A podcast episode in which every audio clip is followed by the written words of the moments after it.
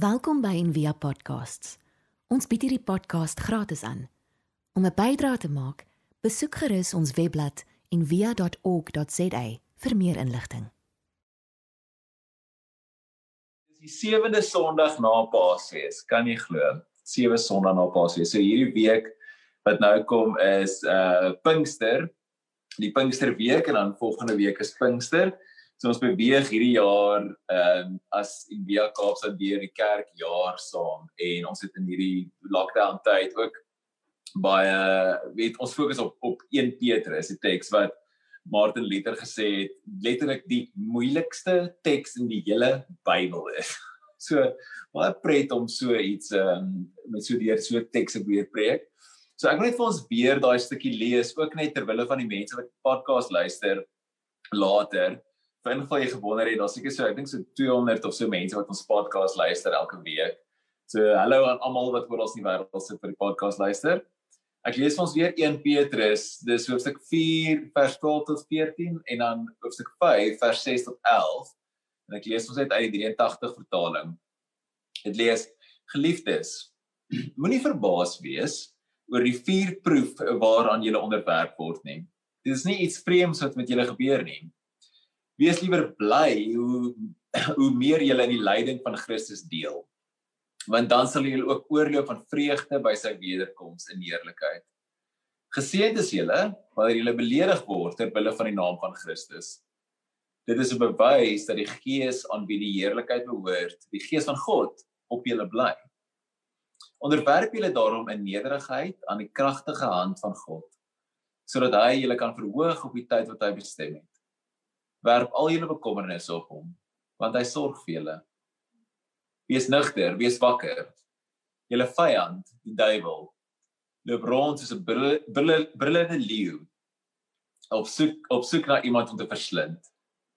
Bly standvastig in die geloof en staan hom te en moenie vergeet nie. Dwars deur die wêreld moet julle medegelowiges dieselfde soort lyding verduur. God wat alle genade gee en wat julle geroep het om in Christus Jesus deel te hê aan sy ewige heerlikheid, sal julle nadat julle kort tydjie gelei het, self weer oprig en julle moedig, sterk en standvastig maak. Aan hom behoort die krag tot in ewigheid. Amen. En so eindig Petrus sy brief. Daar's net so na dit is daar so 'n paar wat 'n bietjie groet 'n groete stuur, 'n bietjie huis admin doen en so, maar dit is hoe dit eindig met hierdie woorde. Aan hom behoort die krag tot in ewigheid. Amen. So ons maak vandag klaar met 1 Petrus. En dis net om almal te herinner weer, dis 'n brief wat geskryf is aan klein groepies, klein groepies volgelinge wat swaar gekry het as gevolg van hulle geloof. Hulle was onder druk om hulle geloof op te gee en terug te gee, terug te keer na die ou godsdienst, die ou gode, die gode van hulle meesters of die gode van hulle mans spesifiek hulle eggenote. En Petrus moedig hulle natuurlik aan om vas te staan in Christus in hulle nuwe geloof en om aan te hou doen wat reg is en te vertrou op die God wat hulle gemaak het, die Skepper God dieselfde God wat Jesus uit die doodheid laat opstaan. En dan sê hulle en wanneer hulle swaar kry en daai da is soos die sleet wanneer, nie of nie, wanneer deel hulle in Jesus se swaar, deel hulle in Jesus se sorg met die belofte dat hulle sal deel in sy heerlikheid in die toekoms. So daai is die nutshell van die boek. En ek dink in die so 'n week of wat terug praat ek en dit letterlik sodat ons is so in 'n westerse Eh, westerse ryk samelewing so verbaas wanneer ons swaar kry. Soos wat wat wat gebeur nou? Hoekom hoe kan hierdie gebeur? En vir die mense in die tyd van Petrus, dit van Jesus was dit nie iets vreemd dis wanneer nie of nie. So en ons moet onthou wanneer ons hierdie brief lees, is dat hierdie groep mense bitter bitter min in diens soos enige vryheid gehad het. Hulle was soos totaal en al uitgelewer aan hulle omstandighede. Hulle het nie 'n demokratiese samelewing geleef waar jy maar jou stem kan dik maak teenoor die president en teenoor die regering nie. As jy dit doen eindig jy in 'n kruis, John. Dit is nie hoe dit werk nie. So Petrus se uitnodiging vir hulle om nie te rebelleer nie, klink vir ons vreemd. Want dis vir ons werk. Jy gaan strate toe jy gaan hof toe. Tog dalk is hierdie is so tydig dat ons hierdie teks nou juis sy verskyning gemaak het tydens lock, lockdown in ons kloostertyd. Maar dit is in die gevoel van ons voel soos of alles gebeur met ons. Of jy ook daai gevoel het nie. Dit voel alles gebeur met jou. Jy word gesê waar om te bly hoe laat om te gaan oefen, wat jy mag koop, wat jy nie mag koop nie, wat jy mag drink, wat jy nie mag drink nie, wat jy mag rook nie mag rook nie. Maar ons voel ons voel of ons buite beheer is en eintlik 'n kleintjie is en ons voel of jy bitter min vryheid en beheer oor ons oor jou eie omstandighede het. En dan Petrus moedig bemoedig ook die mense en sê daarom is ons nie alleen nie. Selfs hy sê moenie vergeet nie, dwars deur die wêreld met julle medegelowiges dieselfde soort lyding verdien. So swaar kry is daarom so 'n bietjie makliker saam. En die hierdie swaar kry in hierdie geloofsgemeenskappe, hierdie huiskerkies en onder die slawe en vroue is hierdie minder is en ook Jesus se swaar kry volgens Petrus is as gevolg van 'n ander manier van leef. Jesus het swaar gekry en hy's gekruisig omdat hy teen die stelsel van die dag gegaan het. Omdat hy tempel skoon gemaak het, saam en omdat hy saam met die verkeerde mense uitgehang het, omdat hy die onderdrukkende stelsel teen gegaan So omdat hy durf sê het die minstes van die minstes is die heiliges en die geliefdes van God. Ek dink ons kry gereeld swaar as volgens ons geloof nie. En wanneer ons doen is dit dalk wanneer ons iets anders doen of dit is veronderstel om te wees wanneer ons iets anders doen as wat die wêreld sou doen. Wanneer ons sal sê, u sal sê soos dalk moet kerke nie reservoirs wees van rykdom nie, maar eerder vrygewig wanneer ons iets sal sê soos maar almal is welkom. Maar regtig. Ek het mos so kleintjie dood aan daai tekens wat by kerke op is wat sê almal welkom. En dan weet jy dis nie eintlik regtig so nie. Dit sê net so op die bordjie, maar is nie regtig so nie. En uh, ons het lank terug en ons uh die kerk wat by betrokke was, toe maak ons 'n poster, so groot poster wat jy sê ons vir almal noem, skryf neer op die op die ding elke naam wat jy al ooit genoem is wat iemand gebruik het om jou mee te vloek of te skel. Dit ons so lank lys, ek dink dit was so 300 sulke skelwoorde op. En dan ehm um, het ons dit alles geprint op sulke posters en gesê al hierdie mense is welkom hier. En ehm um, baie keer kom ons in die moeilikheid as jy dit sê. Die wêreld like dit nie. En wanneer ons baie keer sê hier en by ons kan jy eerlik wees en hier maak status en geld en doktersgrade en goed nie saak nie. En hier los ons nie dinge op met geweld en prokureurs nie, maar met gesprekke met liefde. En hier kan jy vra vra en hier kan jy twyfel en hier kan jy jouself bring nes jy is. En partykeer kry ons self swaar wanneer ons durf sê dat Jesus die waarheid is. Ek weet nie of ons ons lockdown swaar kry heeltemal kan vergelyk met dit wat Petrus bedoel vir daai kerk nie, maar tog die manier hoe ons omgaan, hoe ons kies om om te gaan in lockdown kan al kritiek lok by ander. Om mense te sê soos dalk is dit nie 'n goeie idee om alsoos vinnig oop te maak nie. Dalk moet ons bietjie aan die armes dink. Dalk moet ons dink aan die weerloses en die swakkes. Dalk moet ons 'n opoffering maak vir hulle. Partykeer kry dit nogal weerstand. Petrus doen 'n beroep vir die volgelinge van Jesus om op 'n ander manier te leef. Om God se naam aan te hou dra. So die teks lees, dit sê Geseënd is julle wanneer julle beledig word ter wille van die naam van Christus. So hierdie idee ter wille van die naam van Christus herinner my baie aan daai aan die gebod in in Eksodus. Jy weet 10 gebode om nie die naam van die Here uitelik te gebruik nie. Onthou daai, moenie die naam van die Here uitelik gebruik nie.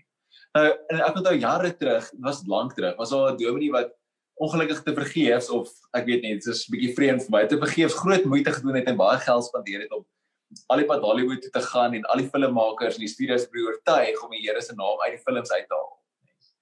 En ek dink daai is ook goed. Ek like dit ook nie as as die Here se naam so rond gegooi word nie. Maar ek dink daai teks beteken baie baie meer as dit. Baie meer as net die Here se naam as 'n skelwoord of vloekwoord te gebruik. Die Hebreëus lees en ek so klein bietjie anders. Dit dit lees dit sê dit is meer iets soos moenie die Here se naam sommer so opneem nie moet dit nie so net sommer op jou sit nie. Op jouself neem nie. Met ander woorde, moenie jouself vereenselwig met die naam van God as jy nie beplan om so te leef nie. En en Petrus raak hier aan, dit aan. Dit is baie meer as om te tik OMG op Facebook of iets so. Dit gaan oor meer as dit.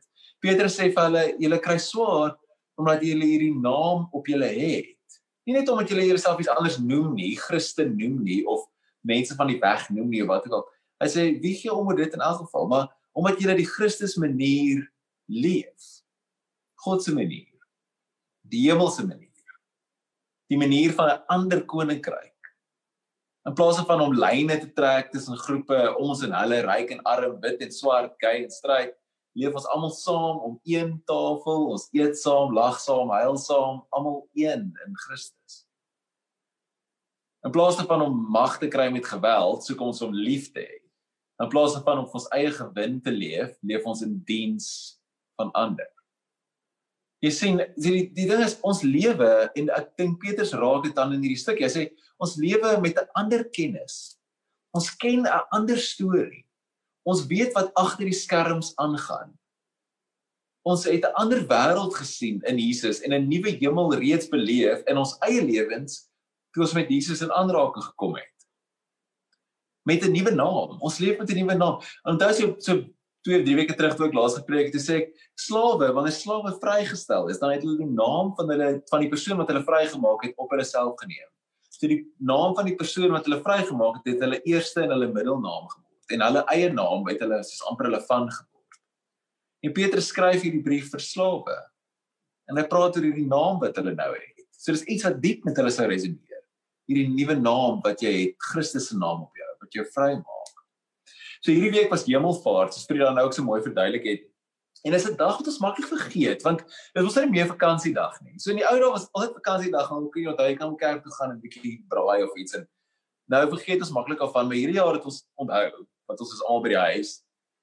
En dis 'n dis 'n vreemde storie en dit 'n vreemde storie wat praat oor dit lyk asof Jesus in die boonste verdieping van die skepping gaan bly en hy in die hemel opgegaan En die hemelvaart verhaal maar dit vertel eintlik soos 'n geestelike realiteit. Die hemelvaart gaan oor die kroning van Jesus as heerser van die heelal. By die hemelvaart het die disippels iets beleef van Jesus se heerlikheid, van die ware realiteit dat Jesus koning is. Dat hy dat 'n mens Jesus, een van ons, langs die Skepper sit. Die hemelvaart vertel dat Jesus weg is sodat hy oral kan wees. Soos Frida nou gesê het. Hierdie hierdie waarhede en hierdie goed is so diep dat dit vasgevang word in hierdie stories wat neergeskryf is. Die storie van die hemelvaart. En dit word vasgevang in hierdie simboliek. En dan ons kan leef ons en ons lewe nou met hierdie bewustheid, met hierdie narratief van Jesus wat oral is, wat in die hemel is, in die hemel is oral. Van hierdie ander realiteit. Dis wat en ek dink dis wat Petrus vir die mense herinner. Hy sê dis hierdie Jesus, onthou. Hy is oral. Hy het opgestaan uit die dood uit. Hy regeer. Hy sê en dat dat dat die hele wêreld herskep sal word, jy en almal in kluis. En dis hoekom hy hierdie woorde gebruik. Dis my so oulik. Dis al cute op 'n manier. Dit sê hy gebruik die woord hy sê nadat jy dat kort tydjie gelei het. Sien nou net so kort tydjie gelei het met verslaaf is dit die res van jou lewe, maar hy sê nadat jy so kort tydjie gelei het. Dit is soos om, om te sê hoor jy hierdie is tydelik. Daar's 'n groter prentjie. En ons kan dieselfde vir ons vandag sê, weet nadat nadat hierdie lockdown en die virus en alles wat omgaan na so kort tydjie. Selfs al is dit aan die einde van ons lewens. Gebeur daar iets goed. Daar kom 'n nuwe skepping, 'n nuwe hemel wat op pad is iets nuuts wat deur Jesus ingebreek het in 'n stukkende wêreld. En Petrus herinner hulle dat hierdie nuwe wêreld bestaan, dat dit eg is. Hy herinner hulle en hy herinner hulle ook aan die duiwel. So daai is my is my interessant dat hierdie teks ook vandag inval die die die if I find out die duiwel met 'n V, die duiwel. So die die duiwel, iets in iemand wat ons nie baie oor praat nie. Dit is baie populêr om oor om te praat in die kerk media staan nie want uh, dis verstaan nie nie cool nie. Hy sê en hy en Petrus skryf hy sê hoorie my julle moet vas staan. En die vyand wat soos 'n brullende leeu rondloop. So daai leeu is dalk so 'n verskeidelde verwysing na die na die arenas in Rome. Dalk julle moet hom weerstaan. En hierdie storie van die duiwel is net so 'n oomblik wat hy oor praat en net sê wat dit is en dit probeer vrein.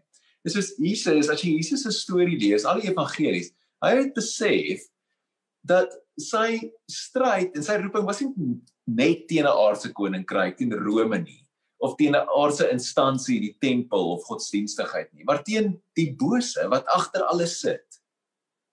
En in die verhale wat ons lees oor Jesus, het hy in sy bediening gereeld die bose trop opgeloop. In die woestyn, Jesus het gereeld duiwels uitgedryf en hy verwys na die die magte van die donker. Dat daar dat daar iets agter die skerms aangaan. Iets anders. So en alhoewel die Satan stories, die woord die in Hebreëus is ha-Satan wat beteken die aanklaer, die een wat teen alles is. Dis nie populêr om oor te praat nie, maar ek dink dit is belangrik om te noem ook. Petrus herinner die volgelinge daaraan dat hierdie nie dis nie 'n stryd teen hulle meesters nie of teen hulle mans nie of teen hulle eggenote nie of teen Rome nie. Dit maar teen alles wat anti-God is, wat anti-hemel is, wat anti-skepping is, wat anti-God se koninkryk is. Met ander woorde, die Satan, die aanklaer, die een wat aan die ander kant staan, die teenoorgestelde. Hierdie teenoorgestelde is dit wat God se skepping wil terugtrek in die donker en die chaos in. En ons almal het dit al beleef. Op een of ander manier is daar goed in die wêreld wat goed wil terugtrek na donker en na chaos toe. Weg van dit wat God wil hê. Weg van God se koninkryk af. En dis hierdie selfde bose wat Jesus ook aan die kruis oorwin het en oor triomfeer het.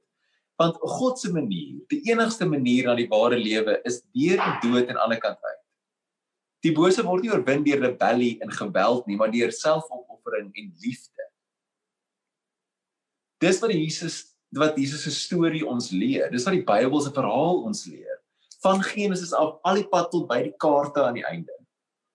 Dis wat Jesus self gedoen het en dis wat ons moet doen. So wat nou? Met hoe leef ons nou met die wete van Jesus wat op die troon sit langs God? Die bose wat steeds styf trekkings kry en probeer om die skepping terug te trek na chaos. Maar met 'n Jesus wat klaar oorwin het. Petrus sê staan vas in geloof. Geloof is om te vertrou in dit wat God gedoen het, in wie hy is, liefde. Om te glo dit wat jy nie kan sien nie, maar weet op 'n manier wat jy nie altyd kan verduidelik nie. Dit daai ek weet dat ek weet dat ek weet dat Jesus regeer, dat hy koning is, dat hy die waarheid is. En dan om die om die anti-skepping te weerstaan deur die naam van God goed te dra. 'n lewe te leef wat die naam van God werd is in liefde met nederigheid om te soek om te dien om God tevrede te stel. So ek daai hierdie idee van God tevrede stel het baie keer so slegte smaak in mense mond, maar ek ek dink ons kan dit reframe, maar dit ek hou meer van die Engels wat sê om God te please.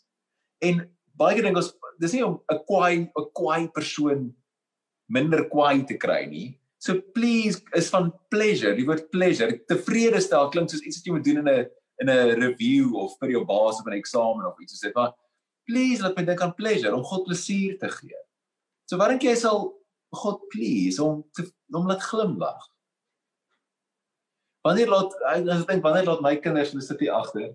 Wanneer laat hulle my glimlag? Wanneer is ek die mees tevrede met hulle? Sommige net en dit's wanneer sommige wanneer hulle sommer net hulle self is. Wanneer Noah koekies bak vir die 100ste keer en haar pa probeer vet kry en of wanneer wanneer Liter met sy uh, met die hoverboard hier rond jaag en op die dak klim. Sommige net wanneer hulle self is en hulle lawwigheid.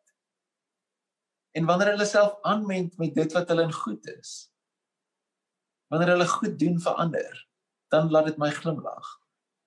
En ek dink dis wat God wil hê ons moet leef. Want dit is wat dit is wat die anti-skepping nie wil hê nie. Nee, jy moet jouself wees nie.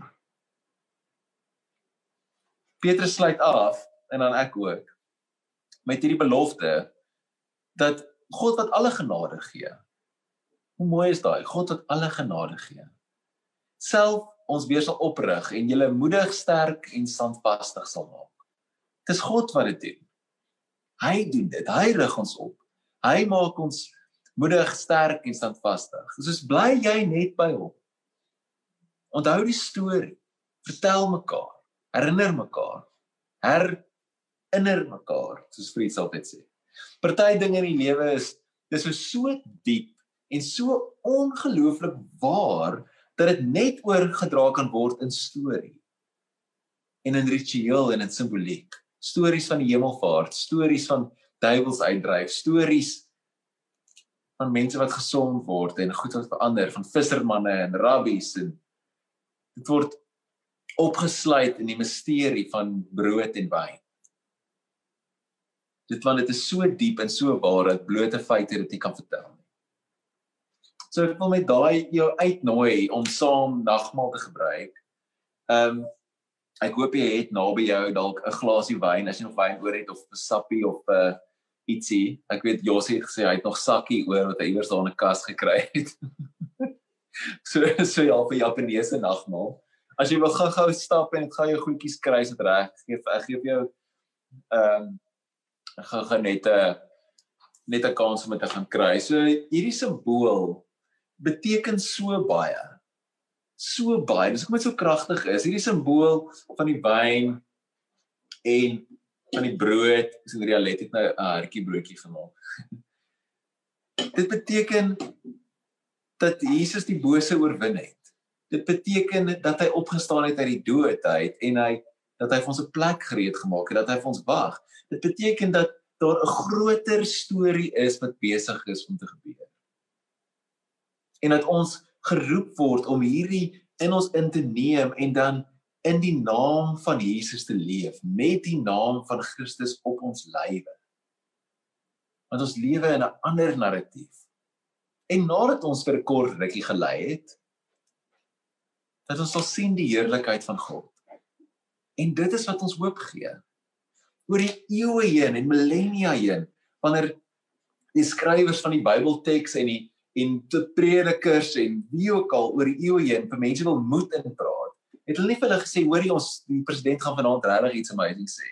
Dit is wat ons hoop is. Hulle het gewys aan die opstanding. Ons sê dis waar ons hoop lê. Want daar is vas. So hierdie simbole sluit daai in. So kom ons gebruik dit saam. In die aand wat Jesus saam met sy disippels gesit het, die aand voordat hy gekruisig is, het hy saam met hulle Pasga maaltyd gevier. En hy het die brood gevat en dit gebreek en vir hulle gegee en gesê, hierdie is my liggaam gebreek vir jou. Jy kan dit mekaar gee as jy saam met iemand is en kyk mekaar in die oë en sê soos ons gebruik baie keer is by NBA weet kyk mekaar in die oë en sê hierdie sy liggaam gebreek vir jou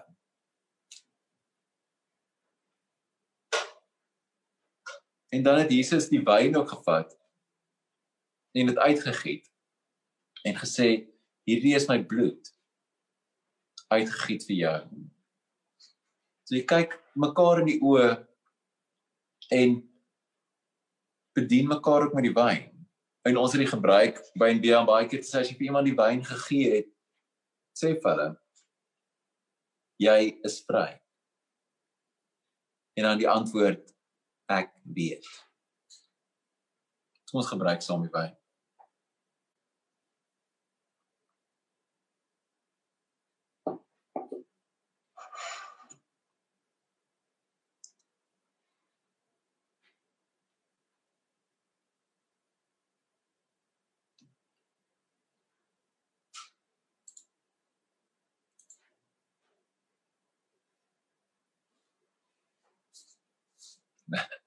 so mooi om te sien hoe almal saam nagmaal gebruik. Dit is so awesome.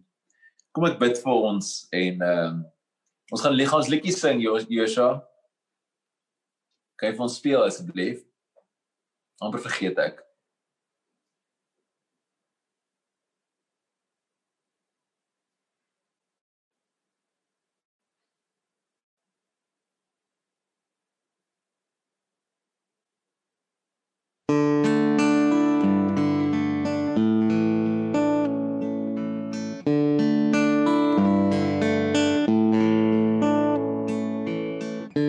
Precious Father, we give you praise and thanks for this holy communion, the body and blood of your beloved Son. The body is broken, God's love make us new. Lord, make us new.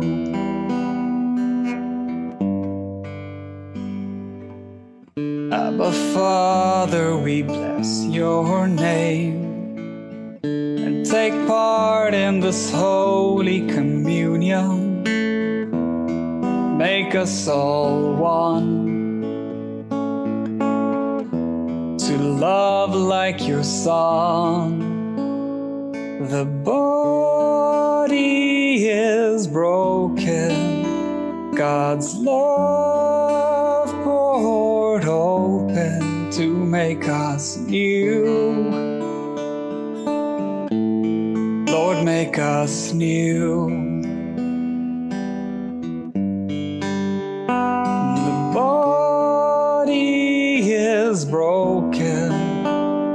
God's love poured open to make us new.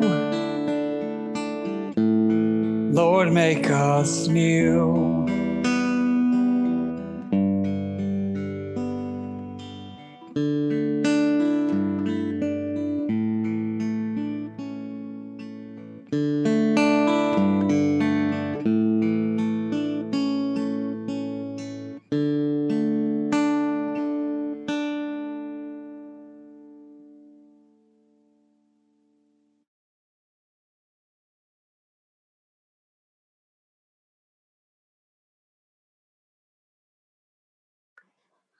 Ek wil ons afsluit met 'n seën en uh wat ons nou die laaste paar sondae aanhou aanhou gebruik en dit is my so regtig spesiaal.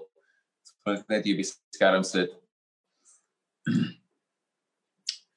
May God jy my spotlight on, Jos? Daar's hy. Uh, may God bless us with discomfort and easy answers, half truths and superficial relationships, that we may live from deep within our hearts. May God bless us with anger and injustice, oppression and exploitation of God's creations, so that we may work for justice, freedom, and peace. May God bless us with tears to shed for those who suffer pain, rejection, hunger, and war, so that we may reach out our hands to comfort them and to turn their pain into joy. And may God bless us with just enough foolishness to believe that we can make a difference in the world, so that we can do what others claim cannot be done, to bring justice and kindness to all our children and all our neighbors who are poor. En almal sê amen. Ons hoop van harte jy het hierdie podcast geniet of raadsaam gevind. Besoek gerus en via.ok.za vir meer inligting.